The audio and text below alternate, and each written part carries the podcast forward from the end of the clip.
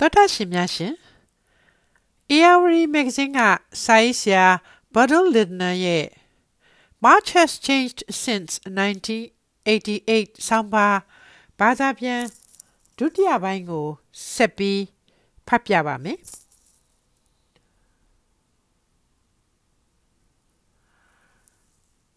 သို့တော့ထိုစဉ်ကနိုင်ငံထဲမှာနိုင်ငံတကာသတင်းတပ်ပုံသမား လွန်စွာနေပြီးသူတို့မှာဘယ်ဂျီယန်က Ellen Everett နဲ့ Ryo Takeda အမည်အသုံးပြုတဲ့ဂျပန်ဓာတ်ပုံဆရာတဦးပါဝင်ပါတယ်။ Takeda ကစစ်သားတွေရှေ့မှာဒူးထောက်ပြီးပြစ်ခတ်မှုမလုပ်ဖို့တိုက်တွန်းနေတဲ့ဆန္ဒပြသူတွေရဲ့ဓာတ်ပုံတွေကိုရိုက်ကူးခဲ့ပြီး Everett က1988အရေးတော်ပုံရဲ့ တမိုင်းအဝင်ဆုံးဓာတ်ပုံကိုရိုက်ကူးနိုင်ခဲ့ပါတယ်။အဲ့ဒီပုံကတော့စန္ဒပြသူတွေကို တိုက်ခိုက်ရမှာဥဆောင်နေတဲ့အရာရှိတဦးနဲ့လှန်စွတ်တက်ဆင်ထားတဲ့တနက်တွေကင်ထားတဲ့စစ်သားတွေက လူအုပ်ရဲ့နောက်ကို ပြေးလိုက်နေတဲ့ပုံဖြစ်ပါတယ်။ Everett ဟာသူ့ရဲ့ဖလင်လိတ်ကို အတွင်းကန်ထဲမှာဖွက်ထားပြီး မြန်မာနိုင်ငံပြင်ပကို ခိုးထုတ်ရပါတယ်။အဲ့ဒီဖြစ်ရပြီးတော့ဘန်ကောက်ကိုရောက်တဲ့အခါမှဖလင်ကိုဆေးပြီးပုံနှိပ်ထုတ်ဝေရပါတယ်။ VHS မှာရိုက်ကူးထားတဲ့ဗီဒီယိုတိတ်အနှဲငယ်ဘန်ကောက်ကိုရောက်လာပေမဲ့အဲ့ဒီဗီဒီယိုတွေအားလုံးဟာအည်အသွေးလွန်စွာညံ့ဖြစ်ပါတယ်။ slot ကို ဖွဲ့စည်းလိုက်ပြီးဖိနှိပ်တဲ့စေအုပ်ချုပ်ရေးဥပဒေတွေချမှတ်ပြီးတဲ့နောက်ပျောက်ကြားဆန္ဒပြပွဲတွေခဏတာမျှဆက်လက်ပေါ်ပေါက်လာပေမဲ့စစ်တပ်ဟာအချိန်အနည်းငယ်ကြာတဲ့အခါမြို့ကြီးမြို့ငယ်တွေကိုသာမကရွာကြီးတွေကိုပါ လုံးဝနီးပါးထိန်းချုပ်နိုင်ခဲ့ပါတယ်။ဒါပေမဲ့လူငယ်အများစုပါဝင်တဲ့တက်ကြွလှုပ်ရှားသူ တထောင်လောက်ဟာတိုင်းသားလက်နက်ကိုင်အဖွဲ့တွေထိန်းချုပ်ထားတဲ့နေဆက်တလျှောက်ကို ထွက်ပြေးကြပါတယ်။နိုဝင်ဘာလတရက်နေ့မှာအဲ့ဒီတက်ကြွလှုပ်ရှားသူတွေကမြန်မာနိုင်ငံလုံးဆိုင်ရာចောင်းသားများဒီမိုကရက်တစ်တပ်ဦး ABSDF ကိုထူထောင်လိုက်ပြီးစစ်ရေးအရဖွဲ့စည်းပြီးတော့စစ်ဝတ်စုံနဲ့အမှတ်တစိတ်တွေဝတ်ဆင်ကြပါတယ်။သူတို့ရဲ့မျှော်မှန်းချက်ကတော့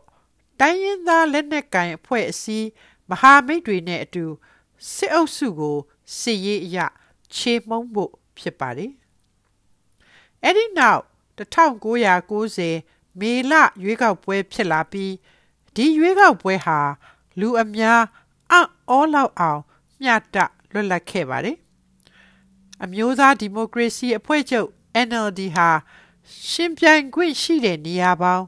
485နေရာအနက်392နေရာအနိုင်ရပြီးတောင်ပြိုကမ်းပြိုနိုင်ပါတယ်။အဲ့ဒီချိန်ကမဲဆန္ဒနယ်ပေါင်း492ခုရှိပေမဲ့မဲဆန္ဒနယ်9ခုမှာရွေးကောက်ပွဲတွေကျင်းပနိုင်ခြင်းမရှိခဲ့ပါဘူး။စေအုပ်စုကထောက်ခံတဲ့တိုင်းရင်းသားစီလုံးညီညွတ်ရေးပါတီဟာနေရာဆယ်နေရာမှာပဲ အနိုင်ရပါတယ်။ဒါပေမဲ့ပြည်သူလွှတ်တော်ဒါမှမဟုတ်ပြည်ထောင်စုလွှတ်တော်ကိုဘယ်တုန်းကမှခေါ်ယူပေးခြင်းမရှိခဲ့ပါဘူး။နောက်ဆုံးမှာ slot ဟာရွေးကောက်ခံကိုယ်စားလှယ်တရားလောက်ပဲပါပြီးစစ်တပ်ကစိတ်တိုင်းကြရွေးချယ်ထားတဲ့ကိုယ်စားလှယ်600ပါတဲ့ဖွဲ့စည်းပုံအခြေခံဥပဒေရေးဆွဲရေးညီလာခံကိုကျင်းပဖို့ ဆုံးဖြတ်လိုက်ပါတယ်1990မေလရွေးကောက်ပွဲအပြီးနှစ်လလောက်ကြာတဲ့အခါ slot ကရွေးကောက်ပွဲရလဒ်ကို မလိုက်နာဘူးဆိုတာအထင်အရှားတွေ့လာရပါပြီရွေးကောက်ခံလွှတ်တော်ကိုယ်စားလှယ်တွေကိုစဖမ်းတဲ့အခါတချို့လွှတ်တော်ကိုယ်စားလှယ်တွေဟာ NLD တက်ကြွလှုပ်ရှားသူတချို့နဲ့အတူ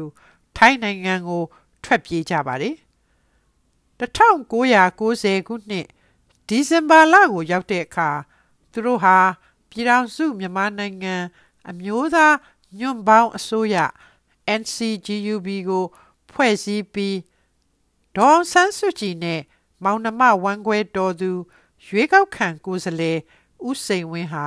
ဝင်ကြီးချုပ်ဖြစ်လာပါတယ်။သူတို့ဟာ ABSDF